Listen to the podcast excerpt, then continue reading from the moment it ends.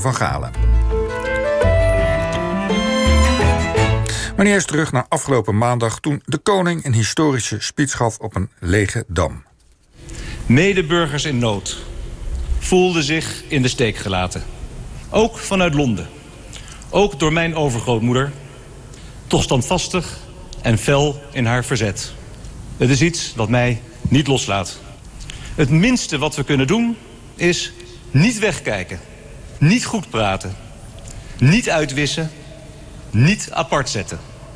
Niet normaal maken wat niet normaal is. Ja, zo sprak de koning dus afgelopen dinsdag op de dodenherdenking. Een bijzondere herdenking vanwege de corona. Maar ook een die de geschiedenis in zal gaan als de dag van Willem-Alexander. Want de koning raakte een open zenuw op het moment dat hij bekende... dat hij het grotendeels zwijgen van zijn grootmoeder niet begreep. En zeker ook toen hij in dezelfde toespraak, we hoorden het zojuist... sprak over wegkijken bij de jodenvervolging. Ja, en wij vroegen ons af dat begrip wegkijken. Sinds wanneer wordt dat als moreel begrip gebruikt om de houding van de mensen in de oorlog aan af te meten? En was het ooit eerder een normaler, een neutraler begrip? En ja, wie anders vraag je dat dan natuurlijk als. stel je die vraag aan, aan niemand anders dan natuurlijk dan taalhistoricus Ewout Sanders. Ewout, goedemorgen. Uh, die toespraak, uh, jij hebt er vast ook naar geluisterd, opmerkelijk? Ja, natuurlijk. Nee, ik heb zeker geluisterd. Ja, ik vond het een goede, stevige toespraak. Ik vond het de meest persoonlijke die ik van hem heb gehoord. En uh, bij de passage over het wegkijken van Wilhelmina, ik vond het heel goed dat hij dat noemde. Moest ik ook wel denken aan nog iets anders. Namelijk, Wilhelmina heeft niet alleen weggekeken van het lot van de Joden, maar zij wil er nadrukkelijk ook niet uitkijken op Joden toen er plannen waren om in Elspet een vestiging een Joods vluchtelingenkamp te vestigen. Toen heeft zij persoonlijk ervoor gezorgd dat dat uh, daar niet te kwam. Ja, want wat was dan het probleem eigenlijk? Nou ja, ze wilden gewoon niet uitkijken. Net als de ANWB trouwens, die vond het ook geen goed idee. Een Joods asielcentrum op de Veluwe. Maar ze wilden gewoon eh, niet zo'n groep uh, vluchtelingen in haar achtertuin. Precies, het keek uit, haar paleis keek erop uit het lo. Ja, hij keek, zou er wel op uitkijken, het zou te dichtbij zijn. Ja, ja en anti antisemitisme was iets minder een taboe in die tijd nog. Ook voor iemand als Wilhelmina. Ik zei trouwens net trouwens grootmoeder, maar het was overgrootmoeder. Hè? ja. ja. Uh, ja, jij, jij hebt uh, op ons verzoek ben je gaan napluizen hoe dat met, uh, met dat andere begrip zat, dat wegkijken. Mm -hmm. Sinds wanneer gebruiken we dat in de context waarin het nu gebruikt wordt? Nou, het is, uh, het, het is een, ik wist eigenlijk niet. Het is een, een, woord met een interessante betekenisontwikkeling. Het heeft, uh, als je in de Vandalen of andere woordenboek kijkt, heeft het drie betekenissen. De oudste is de blik afwenden gewoon. Mm -hmm. En dan van iets of iemand wegkijken. En dan vervolgens inderdaad de betekenis waar het nu werd gebruikt. Of waar Willem-Alexander hem gebruikte. En dat is uit angst afzijdig blijven. Terwijl je eigenlijk had moeten ingrijpen. Ja, en, en je hebt daarvoor... Sorry, ga door. Ja. Ja, en ik heb daar uh, van die eerste twee betekenissen zie je voorbeelden al. Het is een woord dat opkomt aan het eind van de 19e eeuw. Maar ik vond als voorbeelden onder andere in 1932. Dus dat is de blik afwenden. Dat, is, uh, dat er staat daar ergens in, in een krant dat uh, men in Nederland graag zou willen wegkijken van alle buitenlandse werkkrachten hier. Is in 1932. Oud probleem zou ik zeggen. En een andere, die vond ik opmerkelijk, een reclame uit 1955 en daar staat er, uh, als u hoest, kan men u wel wegkijken. Dus uh, dan is de bedoeling dat je hoest uh, maakt van vrienden vijanden. Kortom, dat moet in een periode zijn geweest dat hoesten een, veel griep opleverde. Ja. Dat vond ik ook een opmerkelijke betekenis. Heel herkenbaar, heel duidelijk. En ja. wanneer wordt het dan echt voor het eerst in verband met de oorlog gebruikt? En gaat het langzaam naar de, naar de kant waar het nu naartoe gaat? Is aangeland, dat nou, begrip? Ik vond het in ieder geval in dat, uh, en dan is het toch in de oude betekenis, in, in, maar wel een opmerkelijke context in uh, dat prachtige dagboek van Philip Mechanicus in Depot over zijn verblijf in uh, Westerbork. Dat is de plaats waar uiteindelijk dat vluchtelingen, of waar de Joden werden um, vastgezet door de Duitsers, of de nazi's moet ik zeggen. En dan vind je in het um, dagboek van Philip Mechanicus, die heeft het dan over dat het is daar zo krap in dat Westerbork, Westerbork dat dan mensen worden niet geduld, zegt hij. Iedereen wordt weggekeken als je een plaats inneemt die een ander had willen bezetten.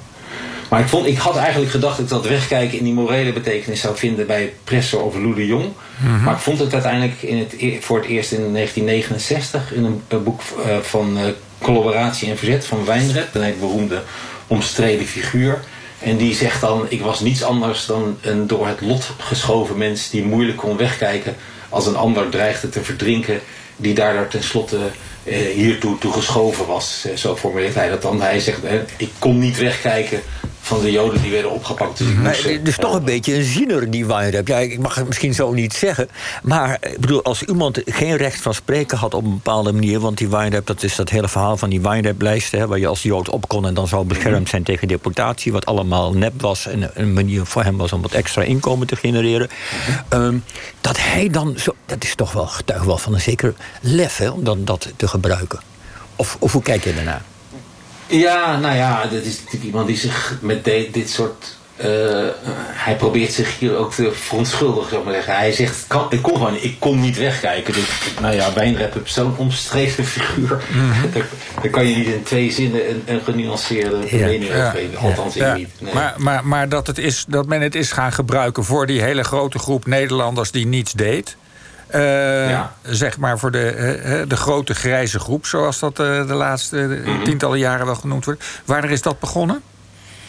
Dat is in de jaren tachtig zie je dat opkomen. En dan vaak ook in de combinatie zwijgen en wegkijken. Dus dan wordt het nog wat versterkt.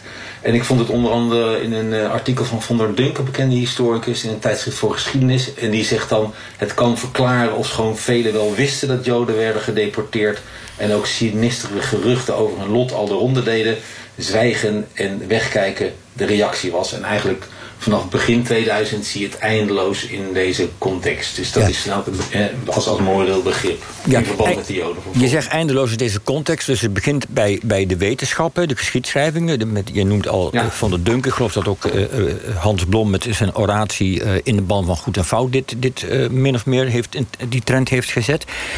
Maar wordt het dan ook door het grote publiek en bijvoorbeeld door de, de publieke opinie en de pers overgenomen? Kom je het ook veel in kranten tegen?